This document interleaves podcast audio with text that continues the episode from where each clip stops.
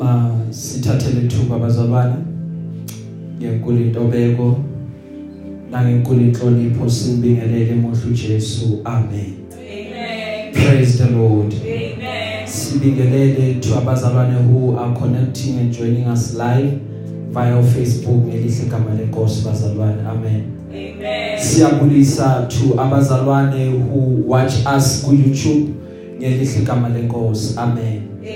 Sibonge nabazalwane abangama subscribers amasha ngelihle igama lika Jesu bazalwane amen Amen. siyacela nje ukuthi niqhubeke bazalwane subscribe to the channel you just search for SN more time Jumayelo za every week ziyatholakala lapho bazalwane amen Amen. hallelujah Amen. sibingelele nakulabo abasilalela via audio ngo WhatsApp ngelihle igama lenkosi bazalwane amen Amen. Siyabulisa to even abomakhelwane bazalwane basilalele basemakhaya abo ngelihle igama lika Jesu bazalwane amen Amen. praise be to the lord Amen. eh namhlanje i have a word from the lord ngaphambi kokuba sihlukane bazalwane hallelujah Amen. in my heart kubekeke ukuthi the answer is at the door hallelujah Amen. Impendulo isisemnyango praise the lord Amen. eh would like to pass even ama condolences bazalwane kubona bonke abalahlekelwe ihlobo zabo kulamaviki bazalwane hallelujah Amen. kwanga inkosi yomusa ingabaduduza bonke kuphi na kuphi lapho bekhona hallelujah Amen. praise be to the lord Amen. now sizongena izwi lenkosi bazalwane sifunda incwadi yezenzo zabapostoli the book of acts chapter 12 siqala ukufunda from verse 1 siyoma evesini ka19 hallelujah. Amen. the book of acts incwadi yezenzo zabapostoli chapter 12 sifunda from verse 1 to verse 19 I'm reading from the NLT it reads as follows. About that time King Herod Agrippa began to persecute some believers in the church. He had the apostle James who was John's brother killed with a sword. When Herod saw how much this pleased the Jewish people, he also arrested Peter. This took place during the Passover celebration. Then he imprisoned him, placing him under the guard of four squads of four soldiers each. Herod intended to bring Peter out for public trial after the Passover. But while Peter was in prison, the church prayed very earnestly for him. Hallelujah. Wangathi singam underline verse 5 othi but while Peter was in prison the church prayed very earnestly for him. U6 athi the night before Peter was to be placed on trial he was asleep fastened with two chains between two soldiers others stood guard at the prison gate suddenly there was a bright light in the cell and an angel of the lord stood before peter. The angel struck him on the side to awaken him and said quick get up. And and the chains fell off his wrists. Then the angel told him get dressed and put on your sandals. And he did. Now put on your coat and follow me the angel ordered. So peter left the cell following the angel.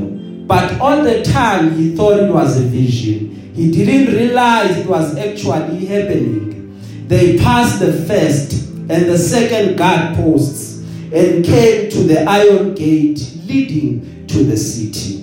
And this opened for them all by itself. So they passed through and started walking down the street. And then the angel suddenly left him peter finally came to his senses it's really true he said The Lord has sent his angel and saved me from Herod and from what the Jewish leaders had planned to do to me.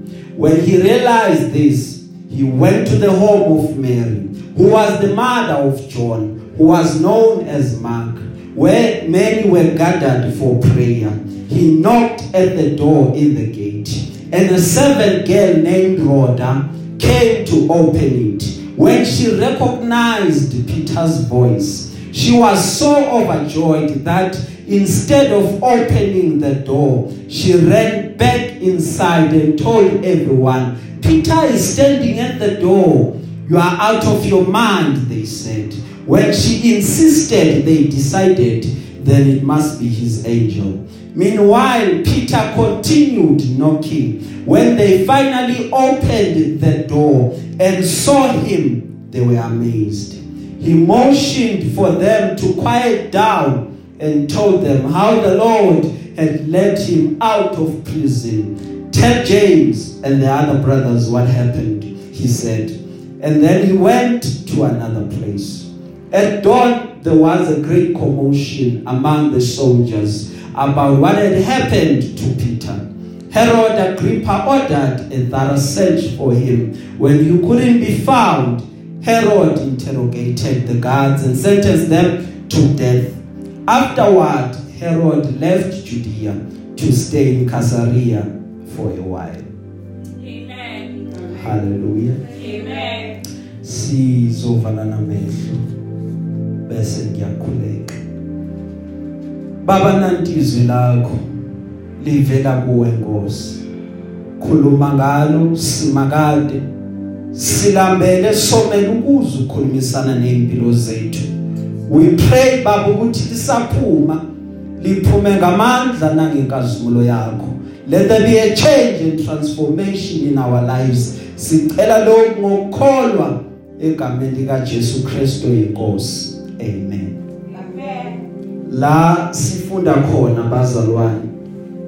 Isihloko lapha sithi it is the persecution of the church which is in Jerusalem. Ukuhlaselwa kwebandla laseJerusalem. Hallelujah. Amen. Amen. Now what is happening? What do we find kule ndaba esiqeda ukuyifunda?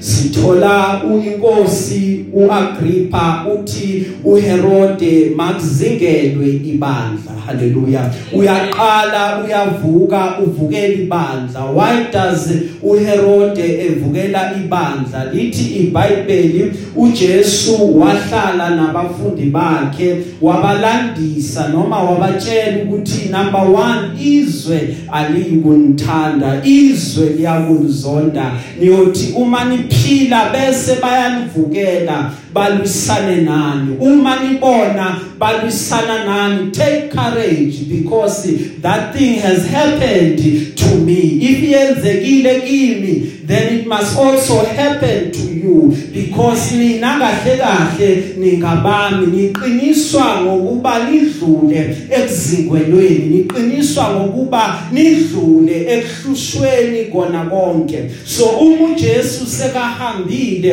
lithi iBhayibheli mase bafikile bamkeliswa amandla. Uma beqala beshumayela bese bayaqala bayazingelwa ngoba insindiso bekade kumelelwe nayo. That is why the bible says since the days of John the Baptist the kingdom of God suffered violence and the violence and the violent they take it by force.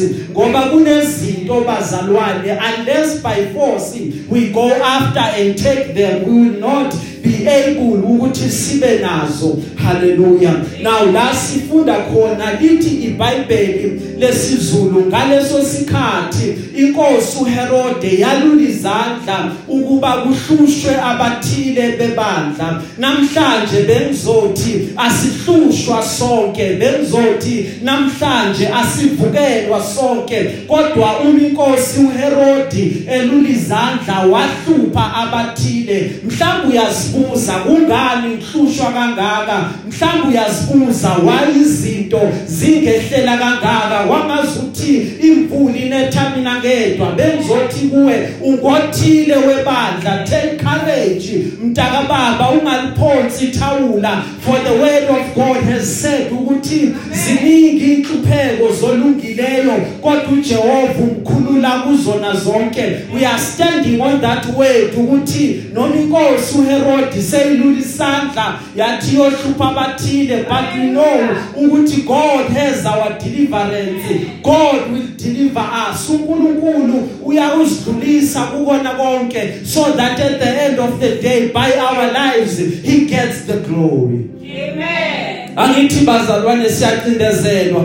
Nxa zonke usho njalo ubhala iBhayibheli athi kodwa sinyinyeki. Siyaxakeka kodwa sidikibali. Siyazingelwa kodwa sidelwa. Siwiswa phansi kodwa sibhunjiswa noma bezama kanjani but they cannot be able ukuthi baqede ngathi ngobani? Ngoba uIsrael akaqedwa. Haleluya Amen.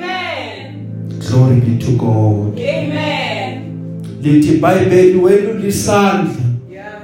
wahlupha abathile bebandla Yeah. zabehlela lezi zinto Amen. but because Christ had informed them ukuthi you will live in perilous trying times Amen. they took courage bathi siyawuku Amen. umeqale bahlupha lithi iBhayibheli wathatha uJames Yeah. wenzeni kanti uJames Amen. lithi iBhayibheli memthatha wambulala ngenkemba Hey. meqeda ukumbulala ngenkemba wabona ukuthi amaJuda lokhu yabajabulisa Amen. wathi okay amaJuda ajabulile sengilanda uPeter Amen. wathatha uPeter wamfaka ejele umethatha uPeter emfaka etilongweni lithi iBhayibheli bekade kuyinsuku zephasika bekade kuyinsuku zesinkwa esingenamvubelo wathi mangilinde iphasika lidlule uma iphasika selidlulile i will bring Peter to public trial Amen. hallelujah Amen. bengizothi namhlanje the answer is at the door Yeah.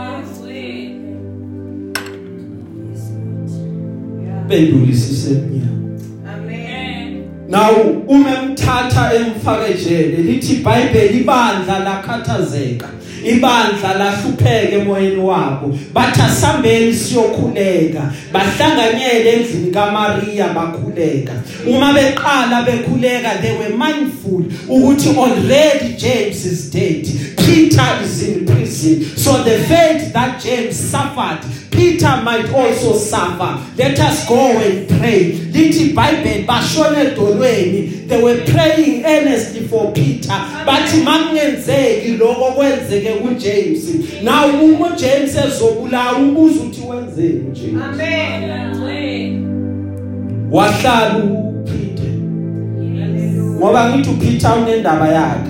Amen. uyayazi naye.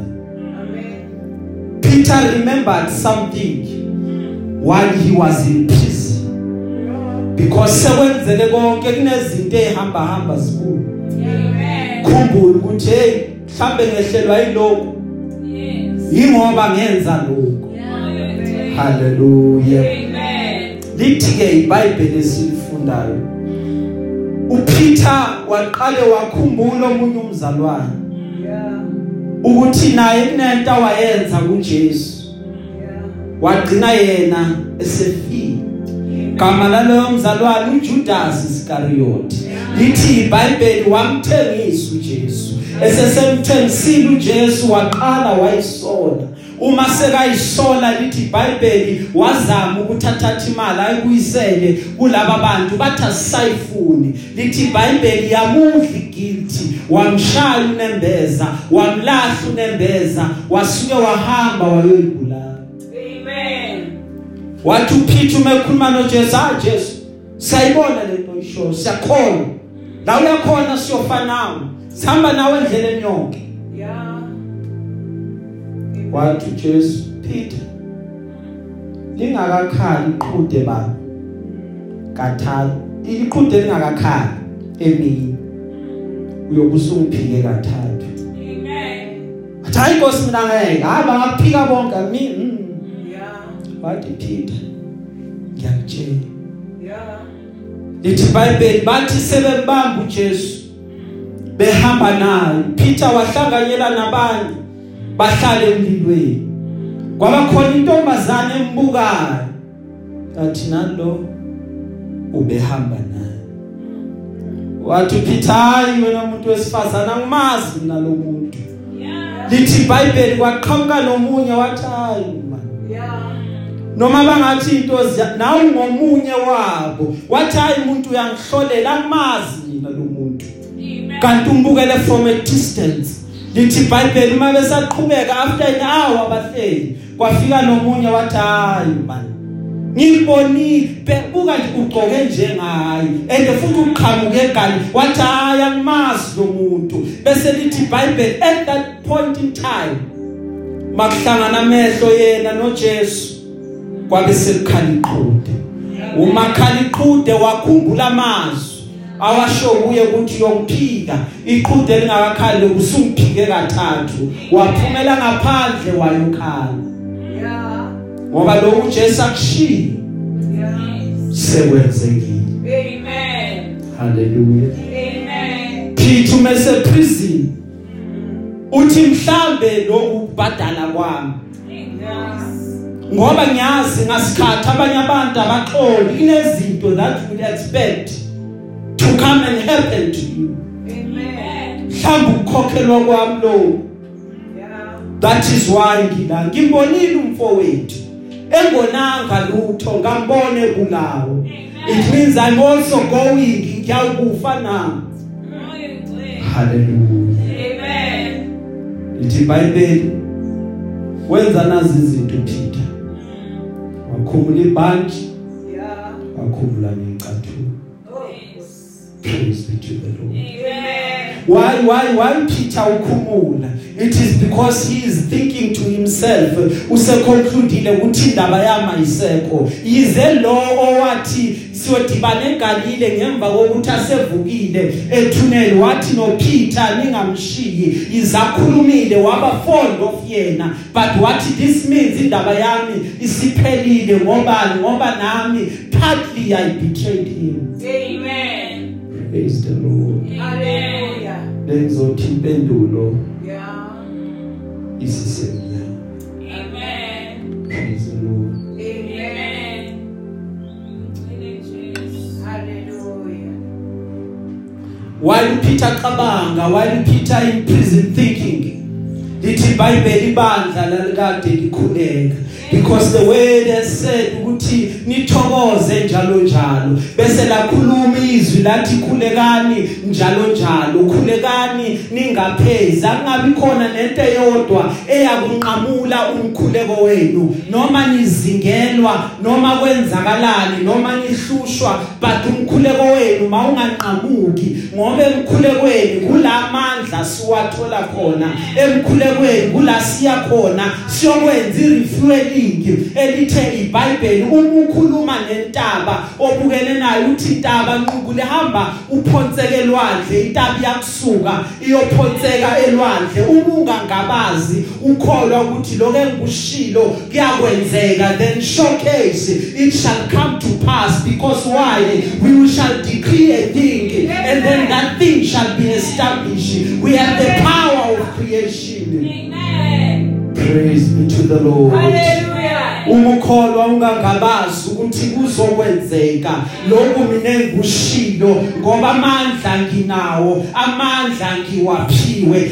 uPeter sahlele etilongweni wacabanga wathi kunezinto emhlabeni lishilo izwi lakaNkuluNkulu lathi izinto noma ngabe kwenzakalani it happens. Kunezinto that you cannot argue nefate because once i destiny yaba fixed it is so it is done. So kunezinto ongakwazi ukuthi uyiguqule uma esacabange lokho amandla waqala waphela. Uma esephelelwa amandla kanti ibandla ngale liyakhuleka. Asikhulekeni bazalwane singaphezi ngoba amandla endleleni ahamba hamba phele. Elithe izwi lenkosi uNkulunkulu nguyena omphayo yethileyo amandla. Nongenamandla uNkulunkulu uyamandisela ikhwepha zakhe. Athi thatha nanka amandla. Ngoba ephileni kwethu bazalwane insizwe endleleni amandla hamba hamba phele. Siyakhathala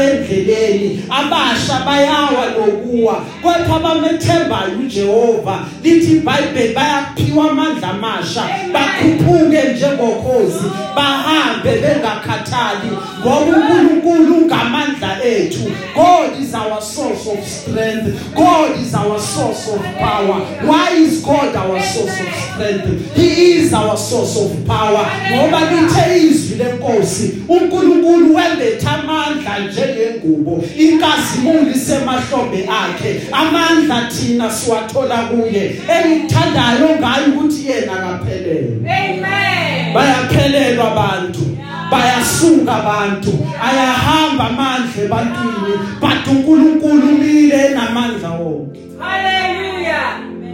Glory. umekhumula ibhanji Yeah. ubethi sengwakhiphila amandla kusena Yeah. Hey. Angisayibona ngiqhubeka ngishumayela ivangeli amandla angisena Amen. athi ohlabelelayo sengiyacela Nkosi ukuba ngiphiwe ke Amen. lakamandla ngiyawadinga kuba ngifike Amen. haleluya Amen. nakuba izimo. Sam. Kodwa ngiyohluleka uma ngingedwa Yeah. ngoba lolu hamba sikwazi ukulahamba sisodwa ayaphela amandla endleleni siyadinga ukwenziwa i-refueling siyadinga ukuthola amandla amasha Amen. that's why we come to God Amen. praise the Lord Hallelujah. Amen. bengizothi Hallelujah. belulisi semnyango Amen. Peter wakhumula neicathulo Hey. bekhumula icathulo usho ukuthi angisena kuhamba ngiyoshumayela ivangeli Amen. the izwi malikhuluma zinhle inyawo Yeah. Yeah. zabashumayela ivangeli Yeah. abahambisa indaba zokuthula Amen. inyawo zabo zinhle ngoba inyaweni mayoshumayela kumele ubugcoke iqathulo Amen. khona uzohambisa ivangeli Amen. masekayikhumulile Yeah. it means I will not go on Hallelujah. praise be to the Lord Amen. ngelosi mayifika kuyo Yes. yithi uyaqhoka ibhanji Peter Amen. because uhamba likabapheli Yeah. haleluya Amen. hambo lisaqhubeka gqoka ibhanji gqoka iqathulo Peter because the journey is still continuing Amen. haleluya Amen. kulenye indoda eBhayibhelini lithi iBhayibheli yesizwe Yeah. lika Jezebel yabaleka balekele itabeni Amen. kwafika izwi kuye lathi Elijah wenzani la wathi inkosi sebafuna ukubulala nawe wathi dlana Elijah vukudle ngoba uhambo lisaselude Amen. praise be to the Lord. Amen. haleluya bazalwane. Amen. nami namhlanje ngizosho lokho ukuthi umoya kaSimakade ungcobile uhleli phezukwami ukuba ngishumayele ivangeli kwabampofu. Ungithumile ukuthi ngizobandisha laba benhliziyo idangeni. uNkulunkulu ungithumile ukuthi ngizomemezela ukukhululwa kwalabo abathunjiweyo. Waphinde wangithuma futhi ukuthi ngizokhuluma ukukhululwa phezulu kwalabo ababoshiweyo. Ngizothi khululekani ngegama lika Jesu for when the angel came the bible says amaketanga bekade ambophile uPeter wawa phansi washayeka phansi wangasabi na any form of hindrance because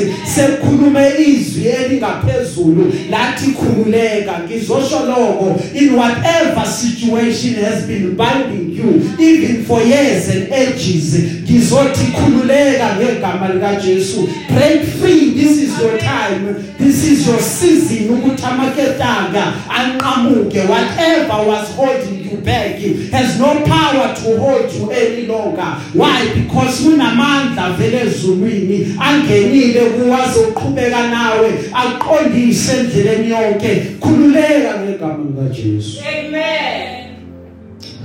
Hallelujah Amen. ngoba bazalwane bonke abamamkelayo Hallelujah. Wabapha amandla Amen. ukuthi babizwe ngabantwana bakaNkulunkulu Hallelujah. sibona simile nje sinamandla Amen. sibona simile nje ukuthi vele uNkulunkulu umenathi Amen. praise be to the Lord Amen. ufuna ukugcina bazalwane Amen. haleluya Amen. lithi iBhayibheli uma sekhululekile Amen. Wasukuma nengelosi baqala bahamba.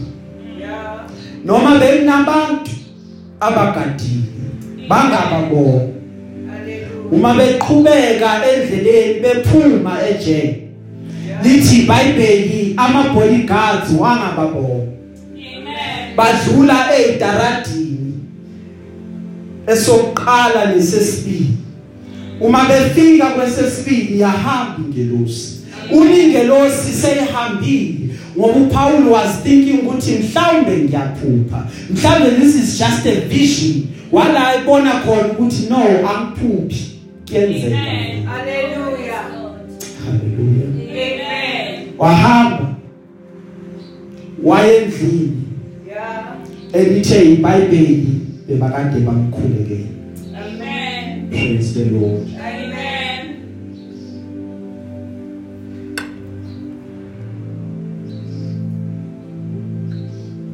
bengizothi penduli isisemnyango Amen.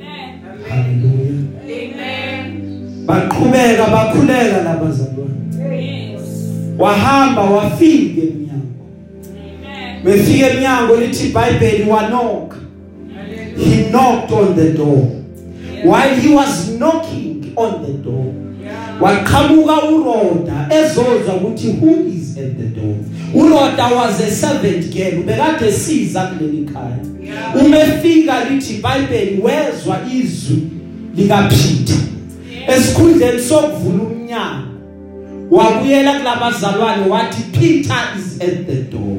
Haleluya bengizothi kuwe namhlanje sesigcina keep on knocking indlela esinoka ngayo ukuthi sikhuleke. Noma kubonakala ukuthi akwenzakalanga over the years keep on knocking for your answer is at the door. Hallelujah. The answer is at hand. uNkulunkulu sekazoyiphendula indaba yakho. uJehova sekazile ngendaba yakho uzoyiattenda icase yakho. Keep on knocking Amen. Ungagive up Amen. suhamba uhamba olude Amen. indlela usuyihambile yinde kakhulu ukuthi usungaphonsi thawula manje Amen. keep on knocking Amen. keep on knocking the answer is at hand the answer is at the door Amen. because when you keep on knocking it means ukuthi you are persistent Yes. Persistent Yeah. in prayer Amen. hallelujah Amen. laba bazalwane abazange bayikholwe Yeah. ukuthi impendulo yabo isisemnyama Amen. ngisiza ungafani nami Hey, Kusiyana. ngathi impendulo uma isifikile Yeah. qede wena ungayikholwa Amen. impendulo uma isisemnyango Qede uthi wena haya kwazeki Yeah.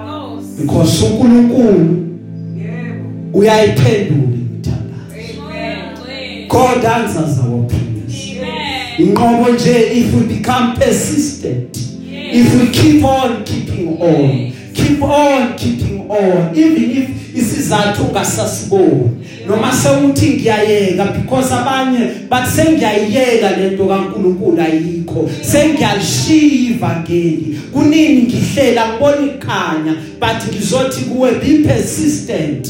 Your answer is at hand. Your answer is at the door.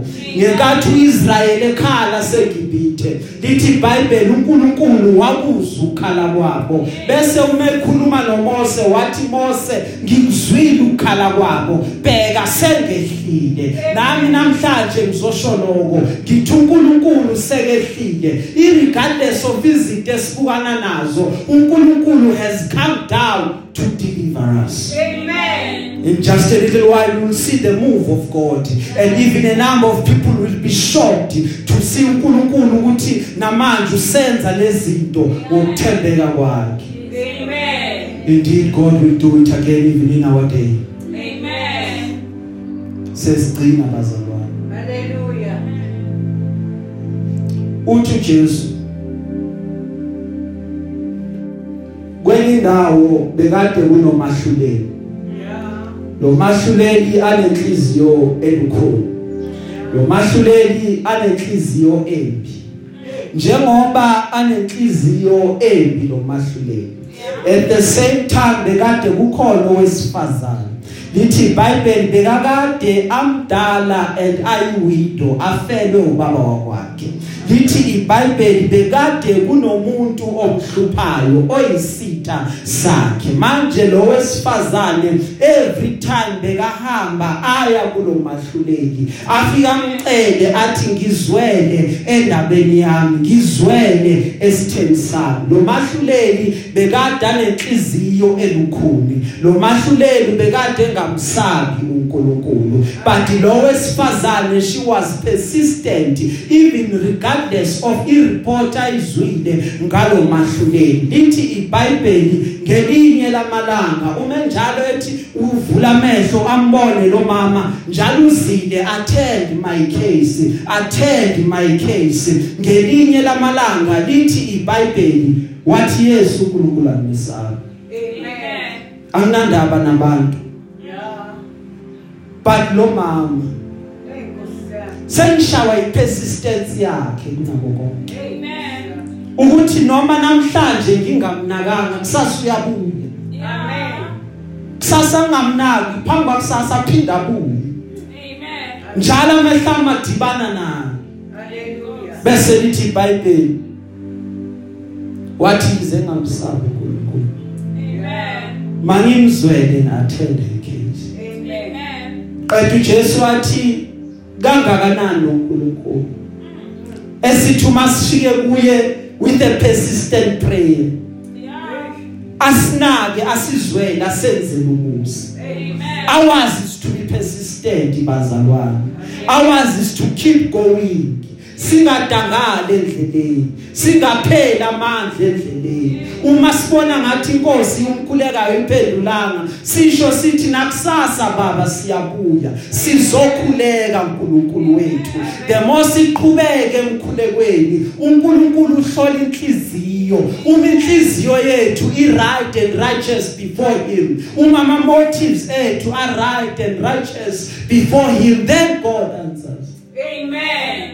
God looks at the heart Amen. God looks at the persistence Amen. Hallelujah. be persistent in praying Amen. because kunento efanele kuba yenzeke Yes. uma uJesu ebuye ezolanda ibandla makakuthole wena ukhona Amen. praise the lord Amen. may he find you usakhona Yes. hallelujah Amen. khola kwakho mangaqedwa izinto Yeah. khola kwakho mangaqedwa izinto Amen. noma ngabe ubukene nayo Amen. praise the lord Glory. Yes. lithi iBhayibheli wafika uPeter Yes. wabalandisa ngakho konke okwenzekile Amen. meqeda ukubalandisa wathi tshelani nabanye abafowethu about what had happened then wasuka kuleyo ndawo waya kwenye indawo ekseni kwangalelo langa bekumele ukuthi ayoma phambi kwenkosi Amen. umechekwa uPeter kasekho Yeah. may god akwenza ukuthi abantu Yes. uma befika bezokucheka bacabanga ukuthi usesekule level Yeah. bakuthola ukuthi kanti uNkulunkulu seka upgrade Jesus. wabeka kwenye level Jesus. praise the lord nalaba bakuhlolela abakuhlosela okubi ngathi uNkulunkulu angabashaya surprise uma bethi beyafika kuwe bazogadla bakuthola ungekho Amen. uma bethi beyafika kuwe Yeah. awasekhona Good. Good. because God did. Praise be to the Lord Amen. may God remove you Good. akutomula usimakade Jesus. endaweni ejwayelekile yanoma ngawubani Amen. ayokuhlalisa namakhosi may God elevate you ngendlela abakwazi ukwenza ngayo izinto bathi mababuya bathi ayakusiuye lo Amen. because God has moved you to a higher dimension Amen. praise the Lord Amen. if you believe in God Yes. God will do it Jesus. hallelujah Amen. because uNkulunkulu bazalwane uyalinyusa izinga sikhonza uNkulunkulu okwazi ukuthi anyuse izinga Yeah. nako yakhe impilo uzokunyusa Amen. nqobo nje kube umkhono Amen. nqobo nje kube umthembu Amen. engizosho lo Amen. ukuthi the answer is at the door Amen. Masa give up Amen. seziyalunga izinto Amen. uNkulunkulu uzwile uNkulunkulu ubonile Amen. ukuhlupheka kwakho